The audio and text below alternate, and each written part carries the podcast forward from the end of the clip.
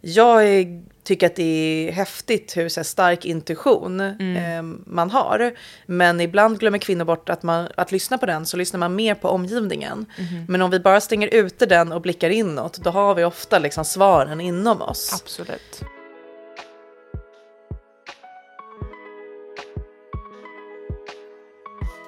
Välkommen till ett nytt avsnitt av Under your skin med Lovisa. Denna veckan gästar underbara Michaela Foni, författare, entreprenör och en av Sveriges första influencers. Hon driver, förutom sina sociala medier, idag gravid och barnappen Baby Journey tillsammans med sin fästman och sin bror. I avsnittet talar vi om just gravid och barnresan, hur det är om att bryta ny mark inom den branschen och även kring ångest och välmående. Vi får många fina tips om småbarnsåren, hälsa och hur man bäst lyssnar på sin inre röst. Här kommer Michaela Foni.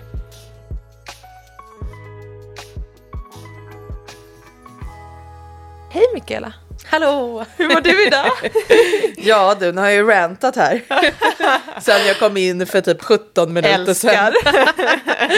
Eh, jag mår bra. Eh, Jag har ju en liksom neräcklad men helt nyschemad faktiskt blus på mig. Jättefin. Så det gick ju inte att vara så fin. Jag försökte sminka mig men jag hade två barn som liksom drog i mig. Så Ah. det är lite så kakigt kanske men det gör ingenting. Du är supersnygg. Eh, jag har inte tvättat håret på några dagar. Perfekt. Eh, jag har inte sovit alls i natt. Oh. Ehm, och ja, typ Ja, så. typ så.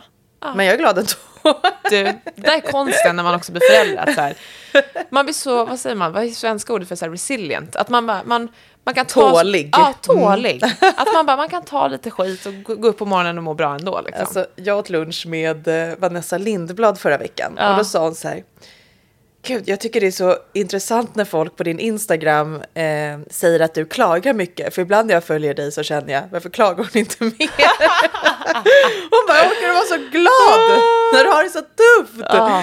Sett till liksom att jag har då haft Ah. två bebisar med kolik, jag har precis gått igenom två stora renoveringar. Det har liksom varit väldigt mycket bumps on the road. Ah.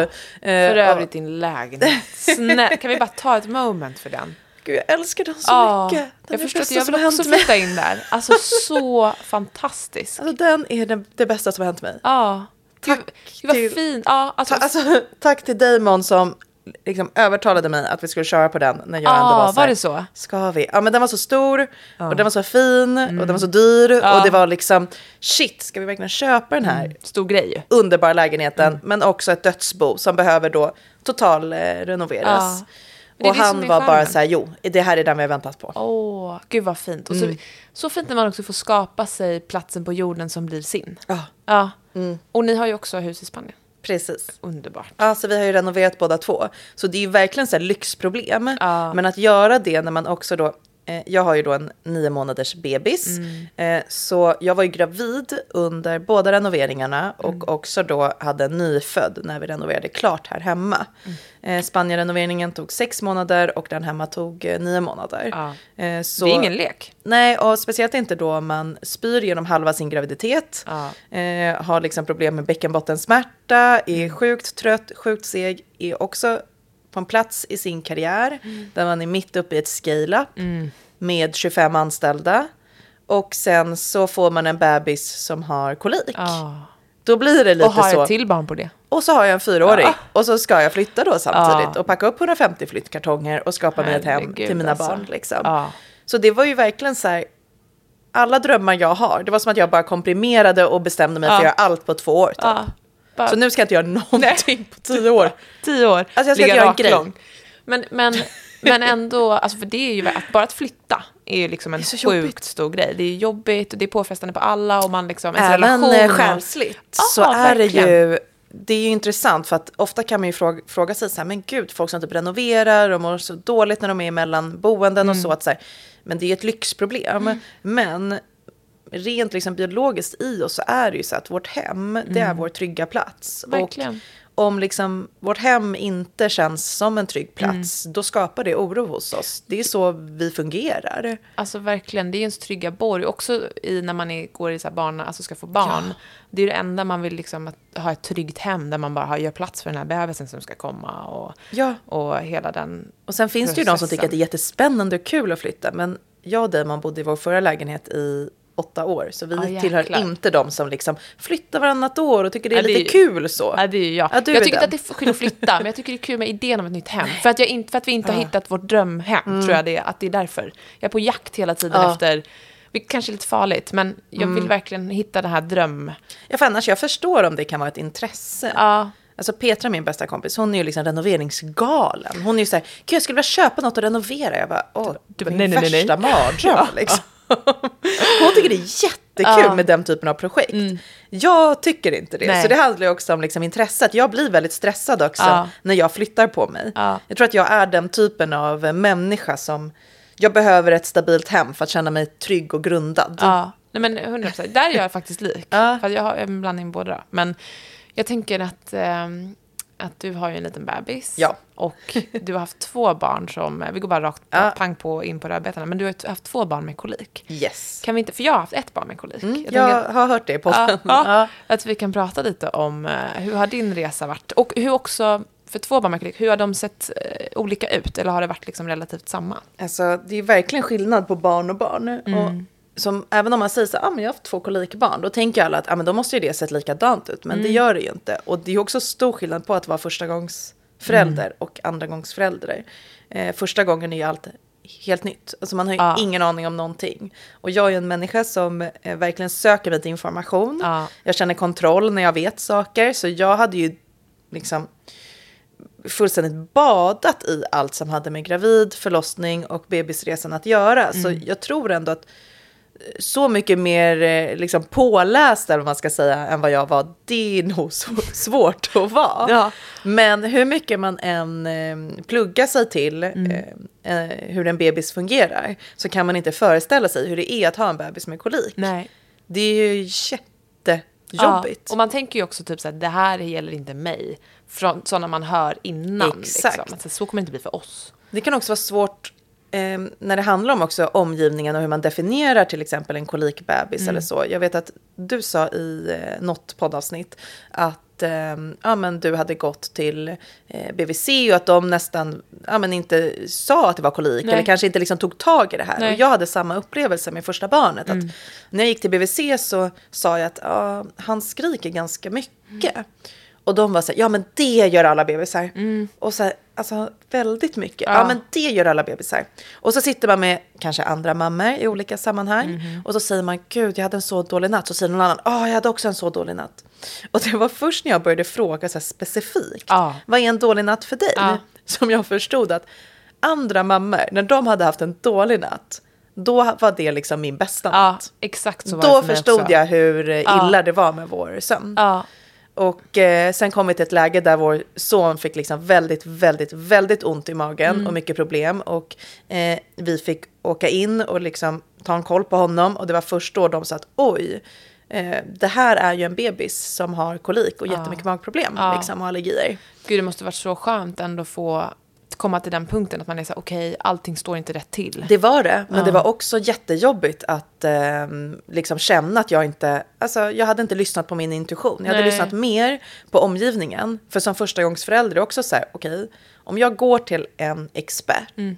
som säger att alla barn skriker, eller om jag är med andra mammor som till och med har fått flera barn och de säger att ja, ja, men det är jobbigt Mm. och man är trött. Jag bara litade på alla andra, faktiskt mer än vad jag litade Mm. på mig själv.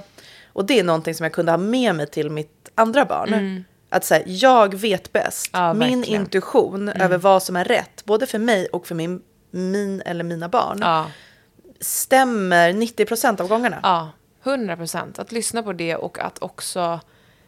Ja, men man, man är så duktig, är väl fel ord, men man är så himla benägen om att ta in vad alla andra säger Precis. när man är första gångs för man har ingen aning själv. Istället för att lyssna på sig själv. Mm. Och det gäller inte bara liksom mammarollen. Det gäller oss kvinnor liksom i övrigt. Att så här, jag är, tycker att det är häftigt hur så här, stark intuition Mm. eh, man har. Men ibland glömmer kvinnor bort att, man, att lyssna på den. Så lyssnar man mer på omgivningen. Mm-hmm. Men om vi bara stänger ute den och blickar inåt. Då har vi ofta liksom svaren inom oss. Absolut. Men ibland tappar man lite riktning och det gjorde jag verkligen med mitt första barn. Ja. Medan med mitt andra barn var jag mycket tryggare i att jag vet att det här är kolik, jag känner det på en gång. Ja. Jag liksom tog liksom tag om den Ja. Eh, vetskapen att säga ja, så är det. Och sen hade jag också mycket bättre eh, stöd från mm. BVC som ja, man då skönt. går till med sin bebis. Så att Ja. så här, ja men eh, första gången kanske jag eh, mötte en barnsjuksköterska som inte var så insatt Mm. eller inte eh, kanske kunde ta in det jag sa. Medan andra gången hade jag mycket bättre stöd. det är ju skönt. Ja. Alltså, så var det för, för oss också med första. Vi blev, hon grät så mycket, så vi blev, alltså hos BVC-sköterskan då.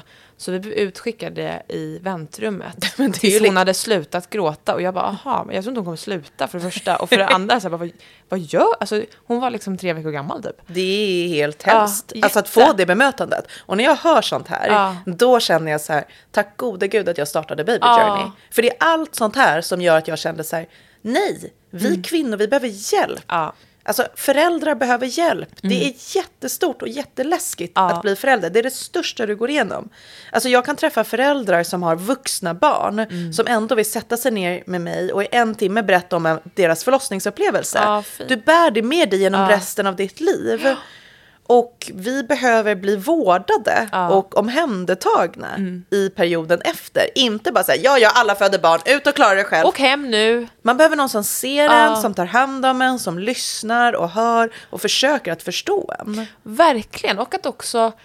Eh, det var faktiskt, vi pratade lite innan om, om Babba Kanalis, men det var hon tror jag som la upp någonting om att i Korea så s- har man liksom postpartum center. Hur härligt. Som jag började där- gråta. Alltså verkligen. man är bara, så trött också. du bara, kan du bara lägga in Ja. mig? Men, men där man då tar hand om kvinnan med så här, rättlagad mat, liksom service Mm. och, och vad man ännu behöver efteråt. Att så här, det är så... Det finns någon sån stor skam i det. Att man bara ska åka hem och klara sig själv och allting ska vara jättebra. Alltså den tiden, jag tyckte nästan, och jag har hört flera liksom, av, kompisar så här, att den tiden precis efteråt var nästan, liksom, vad ska man säga, värre än själva förlossningen. Att så här, den är så Mm. Jag med. omvälvande den tiden. Amning Mm. och bara liksom att lära känna det här lilla nya livet, förstå signalerna, att man är liksom helt lost. Ja, och allt är så läskigt. Och Mm. det är klart att det finns de som har en jättepositiv första upplevelse. Eh, och det handlar ju också mycket om vad för typ av bebis du får. Ja. Mm. För det finns bebisar som är jättenöjda. Som mår jättebra, som inte har speciellt ont i magen, som älskar att sova. Ja. Eh, liksom, våra barnmorskor på jobbet brukar prata om liksom, att bebisen kan vara mer eller mindre krävande. Ja. Och det är ju egentligen ett snällt barnmorskeord för att säga att vissa bebisar är skitjobbiga Ja. och andra är asenkla.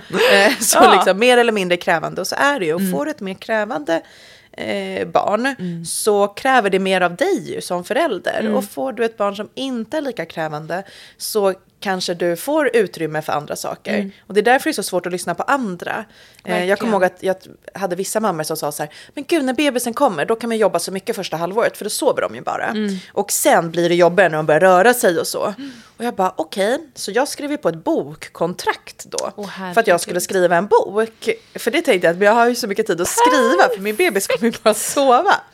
Alltså det var ju rakt av en mardröm. Mm. Att ha en deadline och ett signerat bokkontrakt och ett avtal på att jag ska leverera en bok. herregud. När jag har en kolikbebis Ja. som jag aldrig kunde, kan lägga ifrån mig. Nej. Så jag stod med Dante i bärsele på köksbänken och liksom guppade honom och skrev. Ja. Men det var ju bara fruktansvärd Ja, ångest. Ja, bara, och du klarade det. Alltså, Jag önskar att någon klart. hade sagt så här, det finns de bebisar som sover jättemycket och sen finns det de Ah. bebisar som inte sover alls. Så det bästa är att utgå ifrån att du inte kommer Ah. ha någon tid och har du tid så blir det Då får en man göra bonus. plats för någonting. Exakt. Det, det önskar jag också att någon sa till mig.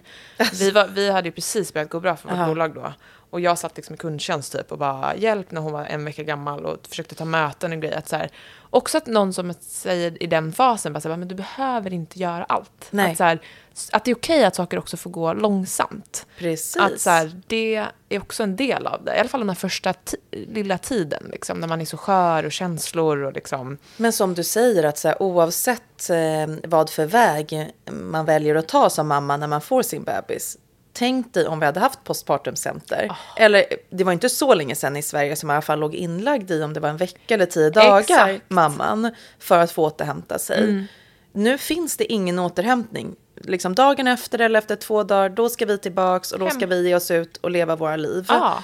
Eh, och om man tycker att det är minsta lilla svårt, då anses man vara svag. Ja, exakt. Och det stämmer inte. Nej, det tar verkligen. jättelång tid för kroppen att läka, det tar Mm. jättelång tid att lära känna en ny människa. Det tar liksom Man behöver gå så långsamt fram. Mm. Och tyvärr också så lever vi ju i sociala medievärld där man typ går in på Instagram och så ser man bara olika mammor. Jag tror Ah. att man tar alla de här olika mammorna och så pusslar man ihop det till en enda supermamma. verkligen. så man får känslan av att alla andra mammor börjar träna på en gång, Mm. ute och gör saker på en gång, tycker att det är så lätt, lagar mat, bakar någon paj, Ja. eh, ser Älskar ut sina som barn van- hur mycket Ja. som helst. Alltså Får inte nog, Ja. saknar dem när de sover och själv känner man bara sov mer, jävla unge. Alltså, 100 jag älskar dig men sov. Alltså, Alltså, när man har haft barn som inte sover så är man ju bara så, man bara, bara sov. Ja, Det är liksom, alltså när min son började sova, då var han ett och ett halvt. ja det är han- ändå, för, för, vi, för du hade, vi hade samma sömncoach. Ah, Hanna, Ja. gud tack gud Ja, tacka Hanna. gud Ja. för henne. Om ni behöver en sömncoach så, så han, vad heter hon efternamn? Eh, Hanna Bergenkull. Hanna Bergenkull. Mm. Ja, sök på henne om man har ett barn som inte sover men vill sova. Eh, för vi, när vår, vi körde ju den när Freddy var fem månader. Så att vi hade ju liksom... Mm. Ja, jag då kan, fick- jag kan inte blev det bra efter det. föreställa mig ett och ett halvt år. Samma sak där, jag var så rädd Ja. eh, och lyssnade så mycket på det här med att det kommer gå över, Mm. låt det ta din tid. Jag testade olika grejer, Mm. fick också ganska mycket mom-shaming om man gjorde någonting som eh, andra tyckte att man inte skulle göra. Och så Mm. här. Men efter att ha liksom försökt sova i eget rum, men mestadels av tiden verkligen så här samsova Mm. och liksom ha mycket närhet och ja, men ett barn behöver dig och så här. Då bara insåg jag att ingenting funkar. Vi håller på och driver varandra till vansinne. Mm. Och jag kände starkt att fortsätter det så här, då kommer jag och Damon gå skilda vägar. Ja. Vi kommer inte orka vara tillsammans. Nej. Det här är för jobbigt. Mitt jobb kommer gå till helvete, den jag är som människa kommer gå till helvete, Mm. relationen kommer gå till helvete och jag är inte en bra mamma nu. Nej. Jag är inte en bra mamma. Och efter att då vi sömntränade vid ett och ett halvt så fick vi ett barn som åt bättre, började gå upp i vikt, han har alltid varit väldigt tunn. Eh, orkade mer, liksom var gladare när han gick till och från förskolan, så här, hade så mycket mer energi. Han sov mer, han sover mer nu när han liksom är fyra år än vad han gjorde när han typ var bebis. För att sömn föder sömn. Absolut. Goda sömnvanor Ja. liksom är bara bra och det är bara att öka på din sömn så att du är utvilad. Så att du orkar äta, leka, lära, utveckla och allt sånt. Det är så tydligt när Så börjar allt, sova. ja, allt blev bättre. Gud vad, vad Mm. fantastiskt. Alltså också, jag känner igen mig så mycket i det. För man, man blir ju så, och då var vi bara under det här i typ sex månader, men vad som händer i en relation också. För att man blir ju också så arg. Det Ja. Mm. blev vi. Inte på varandra nödvändigtvis, men på situationen. Och det går ut över varandra. Att Det man blir det. så arg över att det är ens verklighet på något sätt. Igår så var det dags att natta barnen runt sju som det är varje dag och det är ju alltid ett lotteri. Ja. Eh, och då tog Damon Gaia, som då är vår yngsta, nio månader, och jag tog Dante, han är ju fyra och ett halvt nu. Så jag går in, jag läser för honom, vi lägger oss och han säger att han inte vill sova själv och vi ändå här, ja, han, har, han är ändå en person som generellt sett inte är en sovare. Nej. Liksom. Så det, även om Det han sover det lite, krävs ja. Mm. mycket av oss som föräldrar för att han ska känna sig trygg och nöjd och sova. Mm. Och så går jag ut 30 minuter senare liksom eh, och då ser jag att Damon fortfarande håller på med nattning av Gaia. Mm. Han lägger henne och hon vaknar när han ska lägga ner henne i sängen. Och då får jag liksom ta, Ta här, pass två. Och då har han redan hållit på i kanske 45 minuter med Mm. henne. Och jag tar över. Och då hör jag mig ju själv skrika. Vart är den där jävla bärselen? Ja. Och han liksom, men jag vet väl inte. Och jag bara, jag blir så jävla trött. Ja. Och det, det, jag är inte arg på honom, jag är inte arg på henne. Jag är bara frustrerad över situationen. Ja. För då har jag liksom sovit skitdåligt i flera veckors Mm. tid. Jag var ute och gick i duggregn i två timmar på dagen för att hon skulle få frisk luft och sova, vilket hon ändå vägrade göra. Jag har liksom tag- kommit hem och badat och utfodrat och Ja. tagit hand om två barn som jag ser till att de ska sova, liksom somna hela, rena och varma i sina Mm. Ja. sköna sängar. Och det enda jag vill det är att själv ta ett bad, för jag Ja. minns inte när jag liksom duschade senast. Ja. Alltså, så, så här, Man vill ju bara, så här, man vill bara vara själv. Man, det blir något klaustrofobiskt med det. Exakt. Som, som är, man vill ju bara ha den där, den tiden för sig själv minimeras ju så mycket. Precis, När och man då är det lätt att man skriker Ja. på allt och alla och man Ja. är inte sur på någon. Nej. Man är bara uppgiven. Ja, man är uppgiven och frustrerad Mm. på situationen. Ja.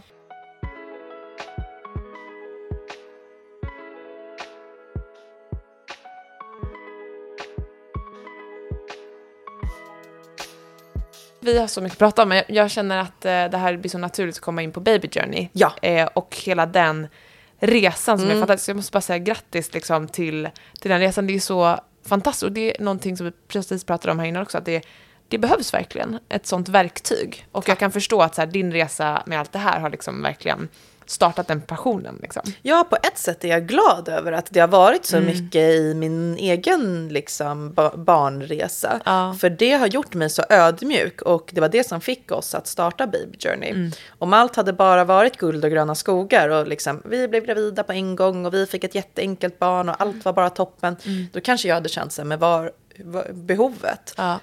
Men nu vet jag. Och eh, när man också börjar fråga runt så inser man att de flesta behöver hjälp någon gång under sin bebisresa Mm. eh, och stöttning. Och även om man inte behöver hjälp och stöttning så behöver man inspiration. Ja. Eh, man vill boa, man har behov av att lära sig saker Mm. eller är nyfiken. Liksom, Man söker information. det gör man. Och eh, att då få liksom bygga och erbjuda en plats Mm. som då i min värld tycker jag inte att det fanns en plats som Baby Journey. Nej. Varken internationellt eller på den svenska marknaden. Håller med. Och då bestämde jag mig att så här, nej men jag gör en plats som är, om jag tar allt det bästa från alla andra digitala eller fysiska Ja. Mm. platser och så samlar jag det i en och samma app, vad kan det då bli? Ja. Och liksom visionen med Baby Journey, eller så som jag ser Baby Journey, det är att så här, ja, men det ska vara en barnmorska som också är din bästa vän. Ja. Så om du sitter och pratar med din bästa vän, då kan ju ni sitta och snacka skit och ni kan skämta, ni kan ha glimten i ögat, Mm. ni kan gråta, ni skrattar, ni delar allt. Men om din bästa vän är utbildad barnmorska så kan hon också säga så här, ja Ah. men det är på grund av det här och det här, eller har kollat upp det här och det här, eller det här får man på grund av det här. Mm. Och det är så jag vill att Baby Journey ska vara. Så vi jobbar ju med liksom extremt kompetent vårdpersonal, Mm. men sen så fyller vi också upp appen med jättemycket sånt som är kul, spännande och det här positiva Ja. kring bebisresan. Men också så här, vi har relationsexperter. Alltså du vet, vi spelar ju in så här eh, med Anna Bennick som Ja. är relationsexpert Ja. på Nyhetsmorgon. Alltså besatt av henne. Hon är vår relationsexpert i Älskar. Baby Journey och Wow. hjälper till med liksom föräldrar. Ja. Och prata om sånt som lite du och jag var Ja. inne på. Liksom att okej, shit, allt är tufft. Eller vi hinner inte ha sex. Eller det här är ja, superjobbigt. Eller eh, hur hittar vi tid till varandra? Mm. Så liksom, vi fyller verkligen upp appen med allt sånt som man vill Jag ha. älskar. Det, fin- det, ja, det har på riktigt inte funnits en plats som samlar allt det på ett ställe som är inspirerande och så nyttigt. Liksom. Jag är så glad över det. Så att nu är vi ju störst i Sverige. Nio Wow. av tio gravida laddar ju ner Baby Journey i Sverige. Så det, det, måste kännas så coolt. det är så coolt. Alltså när jag ser gravida, jag bara du har Baby Journey, du har Baby Journey, du har Baby Journey, Alltså, du har Baby wow. Journey. Och så blir jag helt pirrig. Ja, jag fattar det. För det är också sånt, ni är också med i så här, en, en, en sån förändrande fas i en människas liv. Det största i livet. Ah. Och vi får liksom gå där side by side. Och det som också är så coolt, det är att det första du gör när du plussar på en sticka idag, det är att du laddar ner en app. Ah. Och appen säger till dig typ när ditt BF är. Ah. Alltså innan appar, då fick man ju gå och vänta till Just typ det. kubben i vecka 12 när de mätte bebisen och då höll de på med en sån snurra Mm. på MVC och då sa de att din beräknade födelsedag är den här liksom. Ja. Nu räknar vi ut det och i typ 95% av fallen så blir det samma födelsedag som din barnmorska ger dig några Ja. veckor senare. Så Så, vår prick är ju liksom Ja. väldigt rätt. Och att kunna liksom vara med redan från början när det är en sån här hemlighet som Mm. Ja. typ bara du och din partner Ja. delar och vi. Alltså det är Det så är fantastiskt. mysigt. Det är alltså, så vi är med mysigt. redan innan du har gått till din Ja. bästa kompis, dina föräldrar så och så här. Jag älskar det. Mm. Och att det är så många som liksom ja, men väljer att ladda ner Baby Journey är också ett kvitto på att det här behövs. Mm. Ja, 100%. Det här var någonting som kvinnor vill ha och Ja, behöver. Absolut. Så ja, nu lanserar vi faktiskt i Norge. Åh jäklar. Idag, nu när Ja. vi spelar in. Ja. Skitkul ju. Ja, pressmeddelandena går ut idag. Eh, så det ska liksom bli jättekul att ge sig på nya marknader. Och eh, vi vill ju kunna erbjuda det här till ja, men, så spännande. alla kvinnor oavsett vilket land. Ja, eh, och det måste lever vara så fantastiskt också att, så här, att det är så digitalt. Jag bara tänker på vårt egna, att det är så här, för oss krävs liksom, du vet, lager, Mm. produktion och grejer. Alltså, så här, det måste finnas sådana möjligheter när det bara är digitalt. Alltså det måste nästan vara svårt att typ så här, göra det i en bra takt, för jag hade blivit helt överexalterad. Ja, alltså det som gör att det tar tid, Ja. det är ju att alla länder har sina individuella gravidresor. Ja, så att i sant. Sverige så har vi vår vård och på vårt sätt. Men i Norge, där har de ju helt, en helt Gud, annan ens gravidresa. Nej, det är jättespännande. Så det går inte att bara liksom översätta rakt av och släppa Nej, alla länder. klart. Utan vi har vårdpersonal då i varje land. Så nu har vi jobbat med vårdpersonal Mm. i Norge. Där de liksom går igenom varje vecka och vad som händer. Och det är Ja, jättefascinerande. verkligen. Att- Gud, man tänker att ah, det är bara samma överallt. Nej, alla har liksom Ja, det är klart. det så här, okej, i andra länder så gör man inte kubb, man gör någonting annat och NIPT finns inte och man gör det istället man har besök den här veckan istället för Ah, den ja, här ah. och så här. Så det är jättespännande att det ser olika ut, men Ja. det är det som gör att ehm, processen ändå tar tid Ja. för varje land. Ja. Och eftersom att vi är delvis vårdrelaterade så är det ju viktigt att all information Mm. Stämmer. verkligen är 100% eh, trygg, betryggande. Ja, kommer från rätt källor och sådär. Så att man känner att man kan luta sig mot det här och att Ja. det här är liksom korrekt information. Vad känner du dig liksom mest stolt över med Baby Journey? Ja, men, eh, jag blir mest stolt över tanken på att folk faktiskt får hjälp och stöttning av oss. Jag har ju eh, jobbat med jättemånga liksom, olika saker som eh, ja, men där man riktar sig mot kvinnor och framförallt typ eh, kvinnligt liksom, innehåll som riktar sig mot kvinnor är ju det jag har jobbat Ah. med hela mitt liv. Och eh, vissa saker är jätteroliga att göra. Men det som är grejen med Baby Journey det är att det är roligt men jag känner typ också att jag gör lite skillnad varje Ah. dag när jag går till jobbet. Ja. Det är så här, jag satt och grät häromdagen för att vi ska lansera så här föräldraförberedande kurser i appen. Och jag vet inte om du gick en sån, Jo. jag gick en sån fysiskt på Danderyd. ja, vi gick digitalt. Vi hade fick under pandemin, så Ja. att allt var ju du vet, digitalt. Ja. Det var ju digitalt som, det var ju när pandemin kom som det digitala började slå, Ja, innan gick man ju fysiskt. Men då var det ju, du vet, det är någon gammal digital kamerabild från 2009 Mm. på förlossning, hur förlossningsrummet ser ut. Ehm, det är liksom, ja, men ganska begränsade resurser Mm. För att dela med sig av liksom, den här informationen. Mm. Och jag insåg att vi kan göra det här så mycket bättre. Så nu har vi liksom skapat kurser som kommer vara helt gratis, som är bättre än alla fysiska eller digitala kurser som finns Wow. hittills på marknaden. Och när jag gick igenom det innehållet och korrade, då vet till och med så här, när vi pratar om till exempel förlossningspositioner, då filmar vi det i ett förlossningsrum på Karolinska eh, sjukhuset. Ja. Och annars så var det så här, jag kommer ihåg när jag kom till, till förlossningen och såg den här förlossningspallen. Ja. Då var det så här, jaha, så här en förlossningspall ser ut? Hur sitter man på den? Alltså jag fattade det, jag bara, ska man bara sätta sig, ska man vem, Ja. hur gör man? Och så vågar man inte riktigt fråga kanske. Så. Ja, hos oss så får du liksom så här, okej, de här olika förlossningspositionerna finns. Ja. Mm. Så här gör du för att använda dem i själva förlossningsrummet. Så här sätter du dig på en förlossningspall. Det här är sängen, så här kan du fälla upp den, Ja. så här kan du luta dig, så här kan du ligga med en barnmorska som arbetar på förlossningen. Kan inte bli bättre. Du får liksom all Ja. information du behöver. Och när jag ser det, alltså, då sitter jag liksom och gråter när Ja. jag korrar. För jag bara, gud, det här hjälper kvinnor. Och vi ser så mycket eh, liksom statistik på att ju mer eh, liksom information som finns tillgänglig, Mm. eh, desto tryggare eh, kommer du vara när du går in på din förlossning. Ah. Och det möjliggör för en positiv förlossningsupplevelse. Så fint. Så att vi kan erbjuda det, det är så här, jag tycker att det är, Ja. jag blir extremt rörd Ja. liksom. Nej, men, jag håller med. Det, det är så enormt givande för att ofta så kommer man att få den informationen när du är i rummet. Men har du redan den med dig, men då kan du också ha funderat över vad tror jag passar mig bäst? Exakt. Vad tror jag att jag gillar mest? Alltså så här, att verk- och också när ni eh, besökte Sankt Görans, alltså en av Stockholms nya Ah. eh, BB och förlossningsavdelningar, att, så här, att bara få se inuti den. Att, Hur så det här, ser ut. Ja, och, och olika avdelningar och förstå att så här, man kan göra bättre, mer medvetna val som passar en. Att, så det är så otroligt, otroligt eh, bra. Alltså, Ja, behövs. och så små saker att till exempel nästan alla eh, papper brukar provköra vägen till Ja. eh, B- förlossningen. Ja. Alltså det är en så här vanlig Ja. grej. Jag såg bara häromdagen att en influencer la upp att han liksom provkörde vägen till förlossningen. Och det är så gulligt, men alla gör det. Tänker man Ja. så här, varför gör man det? Jo, för att man är nervös, Ja. eh, man tänker mycket på det, man undrar hur lång tid det kommer ta. Mm. Det är det man kan ha kontroll över. Du kan kontrollera att Ja. du vet hur du ska köra dit. Ja. Ehm, men sen har du ju inte så mycket mer kontroll när du kommer dit. Och då såg vi att till exempel när vi filmade på BB Sankt Göran hur liksom, eh, positivt det var för Mm. användare. För att när vi till exempel filmade där, förlossningen är ju igång, man kan ju inte pausa, Nej, pausa precis. folks födande Nej. för att vi ska komma och göra en produktion. Nej. Men då hör man ju så här, Gud, vad var spännande. checkar jag in?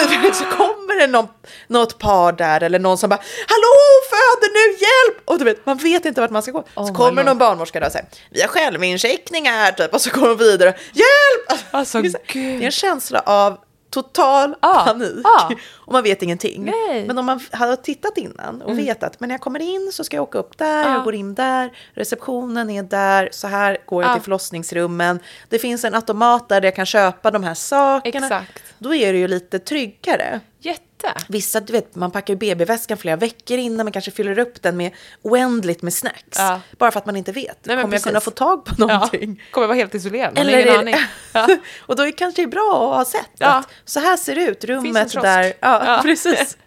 Du behöver inte Så, hårda. ja, och det är ofta så små saker men som faktiskt kan vara avgörande för verkligen. stressnivån. Också typ tänker jag när man kommer dit att man så här, det som är viktigt för en förlossning så här, oxytocinet i kroppen, Ja. att man ska kunna hålla sig lugn. Att så här, Verkligen. Ju mer förberedd man är, desto mer lugnare kan man också hålla sig. Liksom. Precis, både du och din partner. Ja. För om din partner springer runt som en liksom stressad Nej, men- idiot, då kommer det inte vara så bra för dig liksom. heller.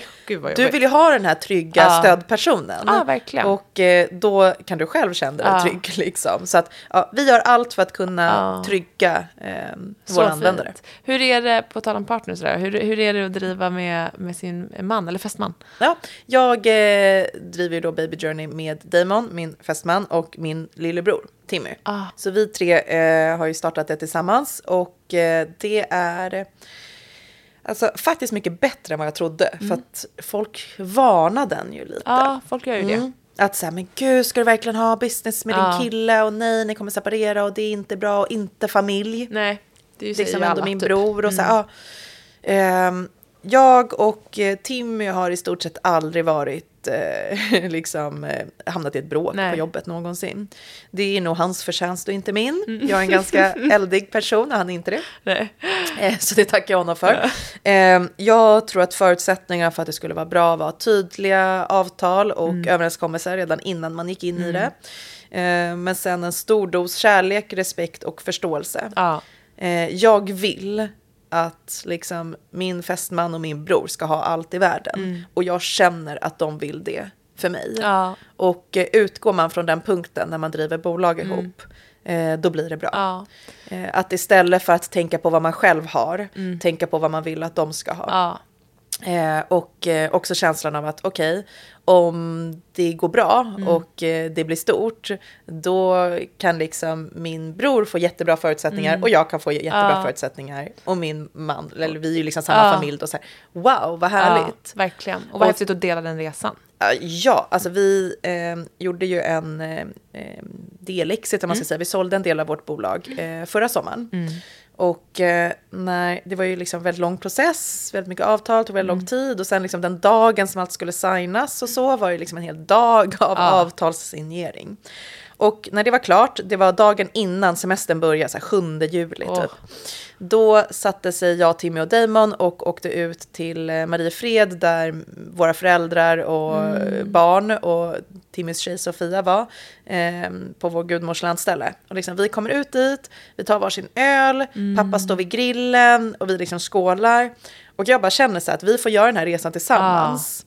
Wow. Det är typ halva glädjen Ja. alltså. Att få stå där och skåla med dem Ja. jag älskar mest. Ja, 100 procent. Och liksom, när det går dåligt, då går det dåligt för oss alla. när det, när det går bra, då går det bra tillsammans. Liksom. Det är sjukt kul. Det är så fint. Och det är också att så här, man måste ha med sig, jag driver ju företag med min mamma, att, så här, att man båda också går in med inställningen att så här, vi vill alla det bästa för det här Ja. företaget. Och har vi den inställningen att så här, om, du, om vi tycker olika i någonting så måste vi också tänka att så här, okej men du gör det du tror är bäst för bolaget, jag tänker det jag är bäst Exakt. Vi vill samma sak.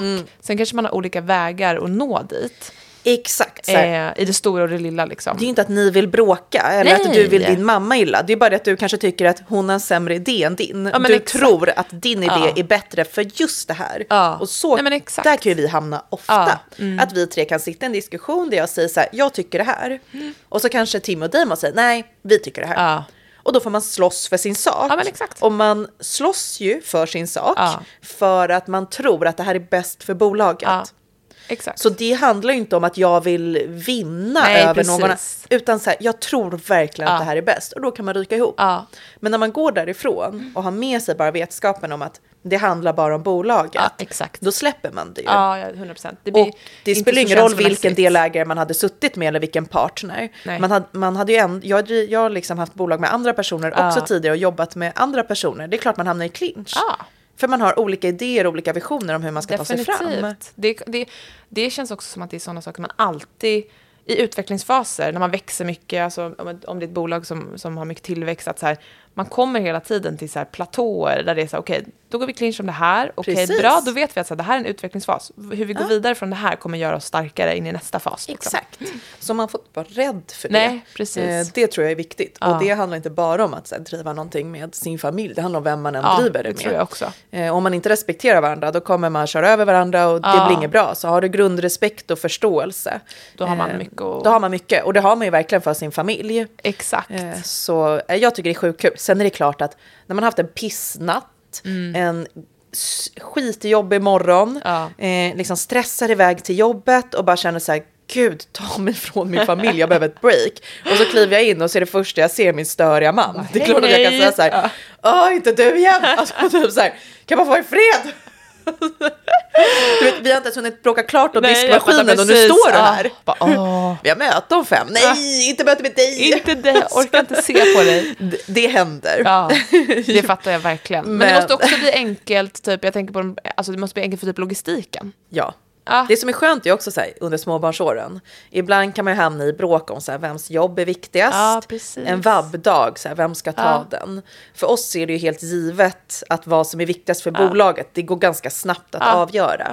Så är det en vabbdag och vi tittar på våra scheman och så ser man att men gud, du har ju ett kundmöte med den här liksom, jätteviktiga kunden för oss.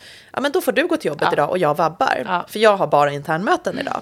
Att det blir ingen diskussion om, nej, Nej. men mitt är viktigare. Nej, vi båda vet vad som är Ja, viktigast. det är ju, det är ju skönt. Mm. Det underlättar ju liksom, den här kampen i, i... eh, Ja, men underbart. Jag älskar att höra så här, folk som driver... Jag har ändå träffat ganska många på senaste som har drivit eh, bolag med eh, familj och där man verkligen ser på det på det positiva. Det behöver mer Ja. uppmärksamhet i det tycker jag. Men de flesta som pratar negativt om det är också folk som inte ens har testat. Verkligen. Att säga nej, det ska man inte göra. Men hur Varning, vet du det? liksom. Nej. Liksom. Har du provat? Ja. Ja. Så jag tror det snarare handlar om att eh, man är rätt typ av eh, liksom team än huruvida man är familj eller inte. Mm. Verkligen. Sen kan det ju vara att man är familj och ändå inte är rätt typ Nej, av precis. team. Exakt. Det kan ju vara en annan grej. Liksom. Vi har kompletterat varandra sjukt bra. Ja. Och jag tror att eh, eh, som grundare, oavsett om du, liksom, hur många du Mm. gör en bolagsresa med, så måste man titta på eh, liksom komplement. Är man Ja. för lika, men då kanske det blir svårt. Okej, vi har två personer som eh, båda liksom vill ta ansvar för samma område. men Okej, exakt. men vem tar ansvar för det där Ja. andra området? Då? Så Ja. för oss blev det så tydlig arbetsfördelning. Att Ja. okej, jag kan innehåll, jag är besatt av innehåll mot kvinnor. Jag lever och andas Mm. Mm. det. Så det är mitt. Där har jag veto. De vet ingenting Nej. och de ska hålla sig borta. Och det vet precis. alla om. Eh, Min bror som liksom har pluggat så health tech på Ah. Karolinska eh, universitetet. Okej, nice. Han är ju liksom besatt av det. Han kan Ja. tech. Han kan lik- liksom, han ansvarar för allt. Mm. Han sitter med våra tech liksom, utvecklare som är 15 pers. Jag har ingen aning om vad de gör. Mm. Nej. Jag skulle aldrig lägga mig i heller. Nej, 15 pers Och alltså. så min man, ja 15 är- utvecklare har vi. Och sen så har vi min man som då liksom har drivit bolag Ja. i hela sitt liv, som har vd liksom rollen, Mm. som vet så här, okej, han har helikopterperspektivet, det här är bolaget och så här ska vi ta det från punkt A till punkt B. Ja. Eh, på ett välmående sätt. Ja. Liksom. Och där skulle inte jag komma och lägga mig i, för Nej. jag vet att han vet vad han gör. det, är, det är också en av nycklarna tror jag. Tydliga roller. Liksom. Precis. Ja, att det är verkligen... Och lita på att de andra vet vad de gör. Ja, men exakt. Det är, ja, tillit är så viktigt i, Ja. i den processen. Liksom.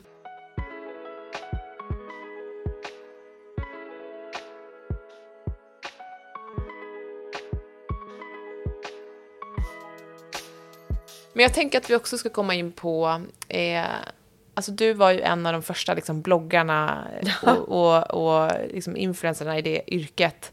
Eh, första som, som typ så här uppfann det yrket, eh, vilket i, är så häftigt. I juni, Ja. 19 juni, så fyller ju min blogg 20 år. Alltså det är helt Det är sjukt. helt Det är som en vuxen människa nu. Ja. ja. Är det lika... För du, du bloggar inte lika frekvent Nej. längre. Det är ju ändå ett mer... Idag är ju inte bloggen någonting som uppdateras så någon gång i månaden för att det är lite mysigt. Ja. Men bloggen symboliserar ju starten av min influencerresa. Eh, för när jag började blogga så fanns inte ens yrket bloggare. Nej. Sen kom yrket bloggare och sen transformerades det till Ja. Mm. influenceryrket. Eh, så jag har ju varit med sen innan branschen ens fanns och sen sett hela utvecklingen av branschen. Så häftigt. Eh, det har ju varit helt fantastiskt. Alltså det är så coolt att ha varit med om en eh, liksom, eh, födelse av en bransch Ah. som drivs av unga kvinnor. Ja, jättehäftigt. Hur mycket kritik liksom den branschen Ja. än, än har fått. Så jag förstår liksom inte den. Nej. För det är unga kvinnor som har själva skapat som små egna mediehus Ja. runt sig själva och kunnat tjäna miljoner på det. Ja, det, är, så fruktansvärt häftigt. Häftigt i entreprenörskap. I Det är sin allra högsta grad. Som man borde hylla. Absolut. Liksom. Absolut. Ja. Och det är inte enkelt överhuvudtaget. Jag har ju jobbat med liksom massa saker. Ja. Mm. Influenceriet är ju ett av dem. Men jag skulle säga att influenceriet är ett av de svåraste yrkena man kan Mm. göra. Förra om åren när liksom influenceryrket började komma, då kom jag ihåg att eh, folk kunde säga så här, ah, fan man skulle blivit influencer, gå och dricka kaffe hela dagen och tjäna pengar på det och Ja. fota vad man har på sig. Typ. Ja. Och varje gång så tänkte jag så här, du har inte chans. Nej. Du skulle aldrig klara Nej. av det här. Du förstår inte hur påfrestande det Nej. är. Och det är många som har försökt. Men det är Ja. jättesvårt. Det är klart det är det och det blir allt svårare och svårare också tror jag. Verkligen. Mm. För idag är det ju en eh, liksom i allra högsta grad så blomstrande bransch som Ja. många vill in i och Verkligen. försöker ta sig in Ja. i. Jag är inte säker på att jag hade klarat av att ta mig in i den här branschen Nej. idag. Nej. Ehm, Men när jag började som 14-åring, då hade jag oändligt med tid och energi. Och Mm. Ja. liksom, jag kunde skriva sex blogginlägg på en dag och Ja. känna att jag hade sex till i mig. Ja, liksom innehålls... Inspirationen var oändlig. ja, jag älskar det. Det är, ändå, det är ändå i sin allra högsta grad så kreativt. Alltså man måste ju hela tiden skapa. Jag har älskat det. Mm. Att jag har fått göra det i mitt liv. Jag vet att jag kommer ligga på dödsbänken och tänka lyll hos mig. Ja, gud vad Liksom. fint. Ja. För det är världens roligaste jobb. Och det har Ja. gett mig möjlighet att prata med jättemånga tjejer och Mm. Ja. kvinnor genom mitt, liksom, mina plattformar. Mm. Jag vet att jag har hjälpt jättemånga på olika sätt. Jag har själv fått hjälp genom det. Mm. Ja. Eh, Jag har fått testa på jättemycket olika vägar tack Mm. vare influenceriet. Allt ifrån design till styling Ja. till liksom contentskapande. Alltså jag har fått göra så mycket roliga spännande saker. Det gav mig möjlighet till mitt författarskap Mm. Ja. och utforska det. Och i grund och botten så älskar jag att skriva och har älskat det hela mitt liv. Mm. Och jag får jobba med, med det varje dag tack vare mitt influenceri. Så det är... Passion. eh, Det Ja. Och så du var ju också ganska liksom tidig med att dela med dig av om en, livets, liksom, eh, inte baksida, men så här, det som är lite Ja. tyngre i livet. Med ångest och Ja. eh, en av den första böcker, Jag är inte perfekt tyvärr. Mm. Och hur var bemötandet av det Alltså, då, vid den tiden? det har bara, alltid nästan bara varit positivt Ja. Mm. att dela med sig om när det är tufft. Jag skulle säga att tyvärr fungerar ju också influencerbranschen så att det kanske är mer stöttning faktiskt, eller det är ju fint att det är det, men när man går igenom någonting jobbigt. Mm. Men det är när man är på bra platser som det kan vara ganska svårt, för att då kan ganska mycket så här, ja men avundsjuka eller jantelag komma in. Då Att. Inte fasiken ska du få må så bra liksom. nej. Så jag har alltid känt att det har, det har varit liksom väldigt fina platser, Mm. eh, mina kanaler, när jag har gått igenom tuffa saker Mm. och delat det. Men såklart inte bara, nättroll finns ju oavsett hur man mår. Såklart. Ehm, och folk som vill en illa liksom. Mm. Men jag har tyckt att det har varit jag har byggt väldigt fina communities Mm. eh, tack vare att jag har vågat vara öppen och sårbar Mm. i mina kanaler. Så fint. Och, och hur tänker du och mår kring ångest idag? Hur har den utvecklingen varit för dig? Liksom, Alltså den har varit eh, liksom jättestor. Mm. Ehm, jag har liksom alltid haft mycket ångest. Jag Mm. är en väldigt känslig person. När jag var yngre så såg jag det som någonting dåligt. Mm. Det gör jag inte idag. Ehm, och jag visste nog heller inte hur jag skulle ta hand om den jag var. Nej. Liksom, kanske när jag var yngre. Och sen så blev jag utbränd för att ja, jag helt enkelt mådde för dåligt Mm. i allt. Och behövde liksom ta tag i mig själv. Och det var ju under den perioden som jag skrev Jag är inte perfekt tyvärr. Mm. Som har sålts i ja, jag vet inte, det måste vara mellan 50 och 100 000 exemplar. Alltså så här, Wow, jättemånga kul. exemplar. Och det är jättekul att den verkligen blev så stor. Mm. Eh, Men det säger också någonting om att jag inte var ensam i de Verkligen. känslorna. Ja. Och eh, det var så många tjejer när jag liksom var ute på signeringsturné som liksom grät när jag Mm. signerade. Och det sa också en del om att så här, jag kände mig nog ganska ensam i att säga, men gud, jag är så känslig. Ja. Som att det vore något negativt. Och eh, jag skriver den här boken för en liten klick människor som känner sig lika ensamma och ängsliga och ångestfyllda som jag. Och sen insåg jag att oj, det verkar vara var och Mm. Varannan många. tjej i min Ja, ålder. Ja. Eh, Så det gjorde ju också någonting med mig och min egen syn på Ah. mitt mående. Ehm, Men eh, jag skrev ju boken när jag gick från att ha mått väldigt dåligt till att försöka må bättre. Så till exempel skrev jag eh, flera kapitel när jag var i Costa Rica på ett så här, yoga-retreat i tre veckor och liksom ja, men var på väg mot en bättre plats. Eh, och sen så efter att jag fick barn så började jag faktiskt må väldigt mycket bättre. Ja. Så även om jag tyckte att det var jättetufft och hade två kolik, eh, liksom, barn och eh, inte alls tyckte att det var nödvändigtvis en lätt resa. Så ja, det är inte, jag har inte mycket ångest Nej, idag alltså. så skönt. Utan jag, Vad har du haft för verktyg tror du, alltså på vägen mot att må bra? Vad har varit dina bästa liksom, eller så här, re- Alltså yoga och meditation Ja. är ett jättestarkt redskap. Och då vill jag ändå tillägga till alla som lyssnar att det gäller såklart inte om du liksom mår väldigt, väldigt dåligt. Då behöver du ju Hjälp. ofta mycket hjälp i form av terapi. Du kanske behöver medicinering, du behöver läkarhjälp. Då, det räcker inte Nej. att gå på ett yogapass om du har det riktigt, riktigt tufft. Eh, Så det är också så en vanlig kritik man kan få. Att så här, okej, du skriver om att gå yoga så mår man bra. Mm. Men det jag märkt är att det finns de som mår väldigt dåligt och det är en liten procent. Mm. Men sen finns det ganska många som befinner sig i det här liksom mellanskiktet Mm. där man klarar av sin vardag och allt sånt, men man kanske inte känner så mycket glädje. Man har svårt att må bra, Mm. man känner att allting är rätt tufft. Och eh, då, jag har också känt så liksom. Ja. Och då tycker jag att eh, yoga och meditation har varit jättebra redskap Mm. för mig i kombination med terapi. Och att gå ner liksom på djupet i så här, vem är jag, varför Ja. mår jag så här? Ja. Och hur kan jag göra för att må bättre? Och i det då skräddarsy min egen liksom, mentala resa tillsammans med min terapeut. Så fint. Eh, och sen har jag läst liksom jättemycket böcker eh, om liksom personlig utveckling och coaching och välmående som jag tycker har passat mig och min resa. Men att få landa på en matta ehm, och liksom hitta Ja. till en eh, bra plats inom mig, det, har, det är jätteviktigt Ja. för mig. Det, den platsen blir så viktig när man... Att ha den som utgångspunkt när man sen går igenom stormiga tider, det är så viktigt att kunna komma dit.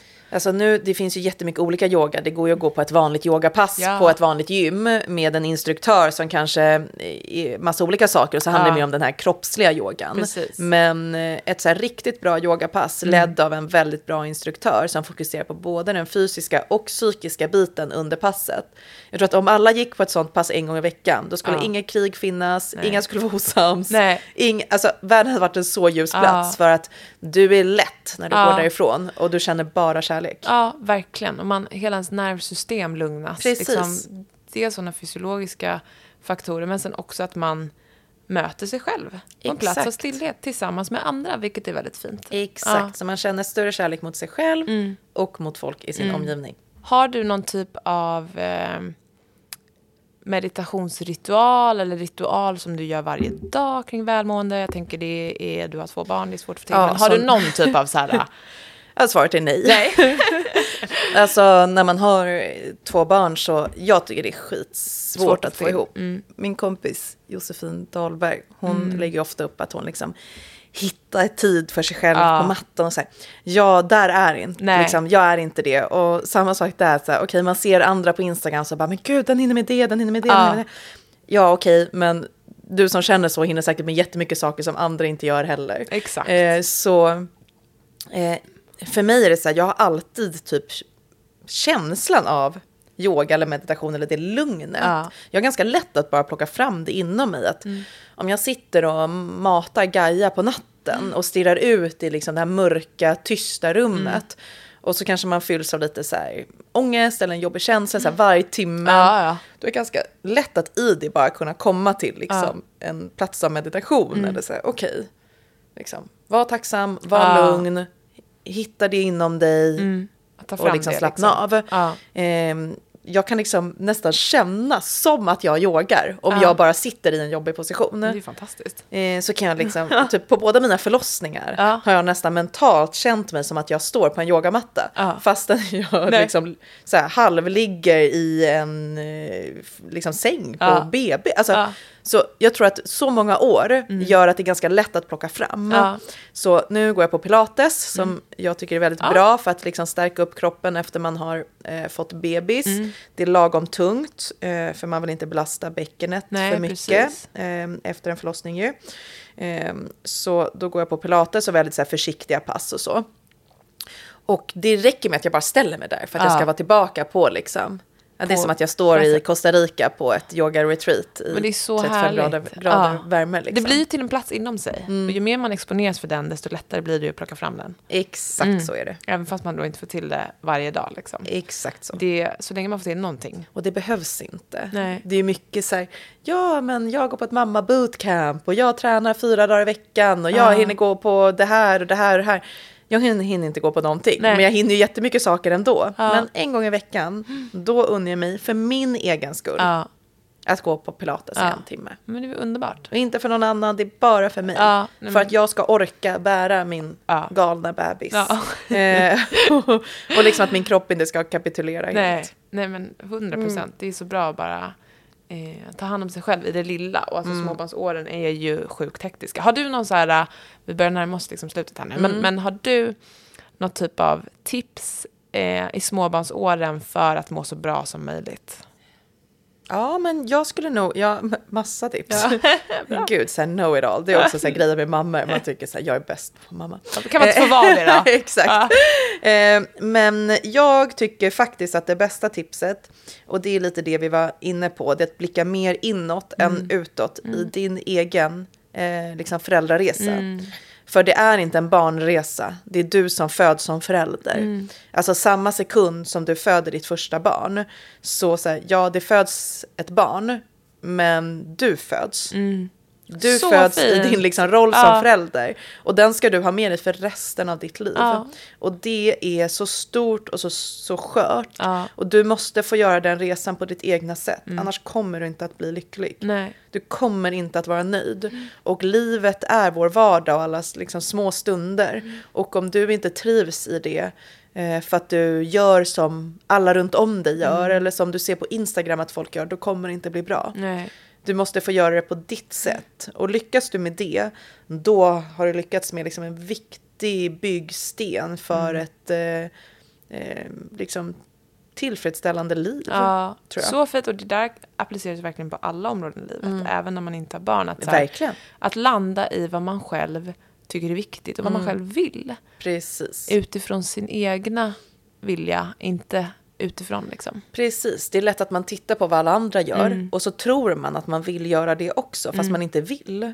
Alltså det spelar ingen roll om det handlar om att eh, eh, gå ut och festa tre dagar i veckan eller eh, hänga på på någon resa eller hoppa på en viss typ av utbildning Mm. eller eh, liksom umgås i en viss typ av umgängeskrets. Alltså det spelar ingen roll. Okej, strunta i vad alla andra gör. Vad vill du göra? Det är ditt liv. Mm. Ja. Du har bara ett. Eh, så du kommer inte vara lycklig om du gör som alla andra. Nej, verkligen. Eh, Jag tänker ofta på det att de som har väldigt här, starka åsikter om andra typ på sociala medier. Mm. Jag tror att många som har det är för att man kanske egentligen innerst inne inte är så nöjd med det man själv har. Nej, verkligen. för om man är det, då har man inget behov Nej. av att sitta och tycka dåligt om andras livsval. Om du är nöjd med ditt, då behöver du inte prata dåligt om någon annans. Nej, verkligen. Om du trivs på ditt jobb, då behöver du inte säga att någon annan har ett dåligt jobb eller ett fel jobb eller är dålig på sitt Nej. jobb. Om du trivs på ditt, eller vart du väljer att bosätta dig i världen, eller vem du väljer att leva med, Mm. Ja. eller hur du väljer att leva som förälder, vad den handlar Ja. om. Liksom. Så utgå ifrån dig själv, Mm. eh, så Så bra, kommer det fint. att bli bättre. Mm. Ja, så fint. Bra, bra tips och applicerbara på allt i hela livet. verkligen. Liksom. Eh, men vad, om eh, vi säger fem år då, Mm. vad, hur ser ditt liv ut då? Oj, då är ju Gaia snart sex eh, och Dante är Nej men gud, du har typ snart tio. Nej, jag klarar inte det. Jag kan inte tänka mig det. nej men herregud, nej. Um, gud, jag har så svårt att tänka på. När de är små, liksom Ja. bebisar, då har jag bo- alltid känt, eller båda gångerna, att jag vill bara att de ska bli större. Ja. Men typ som Dante nu som är fyra och ett halvt, då känner jag någonstans att jag Stoppa har tiden. jättesvårt att acceptera att han ska bli större. Ja. Jag blir jättestressad av det, för Ja. jag tycker att Sen han var två år har jag tyckt att livet har varit liksom helt underbart. Och jag tycker bara att det blir jobbigt att tiden går. Ehm, men jag hoppas att eh, Baby Journey är den största gravidappen i Europa om Ja. fem år. Det är målet, eh, så det är dit jag hoppas att vi ska. Eh, jag hoppas att ja, men kvinnor runt om i Europa använder Baby Journey och liksom blir tryggade och stöttade av oss. Jag hoppas att mina barn eh, trivs på skola och förskola och har bra kompisar och en härlig vardag. Eh, och att jag och Damon befinner oss på en stabil plats tillsammans. Att vi bor och njuter av våra två fina bostäder. Vi har kämpat med att renovera nu. Ingen flytt. Ja, absolut inte. Absolut inte. Så lite att vi bara skördar frukterna av allt eh, vi har hållit på med här Ja. nu senaste året och bara njuter av Det var eh, fint. Så mycket att se fram emot. Ja. ja helt underbart ju. Så det, det ser jag framför mig. Ja. Och att vi har gift oss, för vi är bara förlovade. Ja! Bröllop Så om också. fem år, då hoppas jag Då att vi har orkat gifta oss. Shit vad Ja. kul. Gud, det är ju så roligt att ha det framför sig. Det är så jäkla kul. Eftersom att det har varit så mycket, så här, vad ska vi göra? Ska vi gifta oss? Ska vi skaffa Ja. till barn? Ska vi eh, köpa bostad? Nej, vi gör allt det andra och så gifter vi oss sen. 100%. Så vi har fortfarande det att se fram emot. Det är ju så underbart. Det är också någonting som är så här, man behöver verkligen inte stressa med. Nej. Man, det, där ska man, jag tycker också det är så här, gud man ska verkligen ha typ tiden att planera, man vill ha pengar att lägga på det så att man kan Precis. göra det precis som man vill ha det. Alltså hela den där. Jag vill inte stressa det, Nej. utan liksom, när, när vi känner lust och Ja. ork, att gud vad kul att planera ett bröllop, Helt då rätt. ska vi planera vårt bröllop. Helt rätt, tycker jag också. Ehm, och vi har alltid tre sista frågor som vi ställer till alla gäster. Och den första är om du fick införa en liksom regel eh, eller en lag till alla jordens människor som de skulle göra för sitt välmående varje dag. Vad skulle det vara? Ehm, ja, yoga. Ja, Ganska enkelt eftersom Ja. vi var inne på det. ja Alltså en stund yoga nidra varje dag skulle bara göra alla människor gott. verkligen. Även typ barn, tänker jag. Att så här, man kan börja Barn med det ganska... älskar ja, det. Det är underbart för barn. Ja, Men ingen skulle vilja eh, liksom, driva ett krig framåt om man hade nej. satt sig ner på en yogamatta varje dag. 100 procent. Också få in det i så tidig ålder tror Mm. jag, för vad framtiden är, är bra. Och det leder oss in på nästa fråga, då. det kanske är svaret på det. Men, men vad ska vi, eh, vår generation, ge till nästkommande generation för att få dem att bli så bra människor som möjligt? Ehm. Ja, kanske förståelse för våra medmänniskor. Ehm, Mm. Det tror jag är jätteviktigt. Ja, speciellt i dagens, alltså med Världen ser, ser ju inte jätteljus ut. Nej. Det är ju en ganska mörk plats Mm. jorden just nu. Mm. Eh, och det finns så mycket liksom, mörka saker. Mm. Eh, jag tror att eh, liksom medmänsklighet i Mm. mångt och mycket liksom, suddas bort. Eller, ja. Ja. det tror jag är farligt. Ja, det tror jag också. Det är viktigt. Mm. Fint. Och sista är, vem hade du velat se som gäst i podden? Gud, svårt. Petra har inte gästat va? Nej, hon är inte Ja, men då gästat. ska jag säga Petra Tungården. Ja, okej. För hon, eh, hon gästar inte så jättemånga Nej, hon poddar, gör men hon är det. en sjukt rolig människa Ja. som bör komma ut mer. Verkligen, hon är kul. Ja. Definitivt. Ja, Ja, så jag säger rycka lite i henne. Ja. Ja. Mm, grymt. Mm, Underbart ju. Också kul att höra med hennes resa. Allting. Precis. Mm. Så kul att du var här. Kom Tack för att jag fick mig. komma, vad Helt mysigt. underbart, jättehärligt att bara höra om din resa och Baby Journey och personligt och alltihopa. Så inspirerande. Ja, tack snälla. Och Mm. Om- detsamma. Om man vill hitta dig någonstans, följa dig och sådär, vart går Ja, men jag då? finns på Instagram, på Mikaela Forni. Mm. Eh, och sen så är det bara att ladda ner Baby Journey på Baby Journey. Oh yes, alla gravida, det är hett tips. Gör det. exakt. Mm. Underbart, tack så mycket. Tack snälla.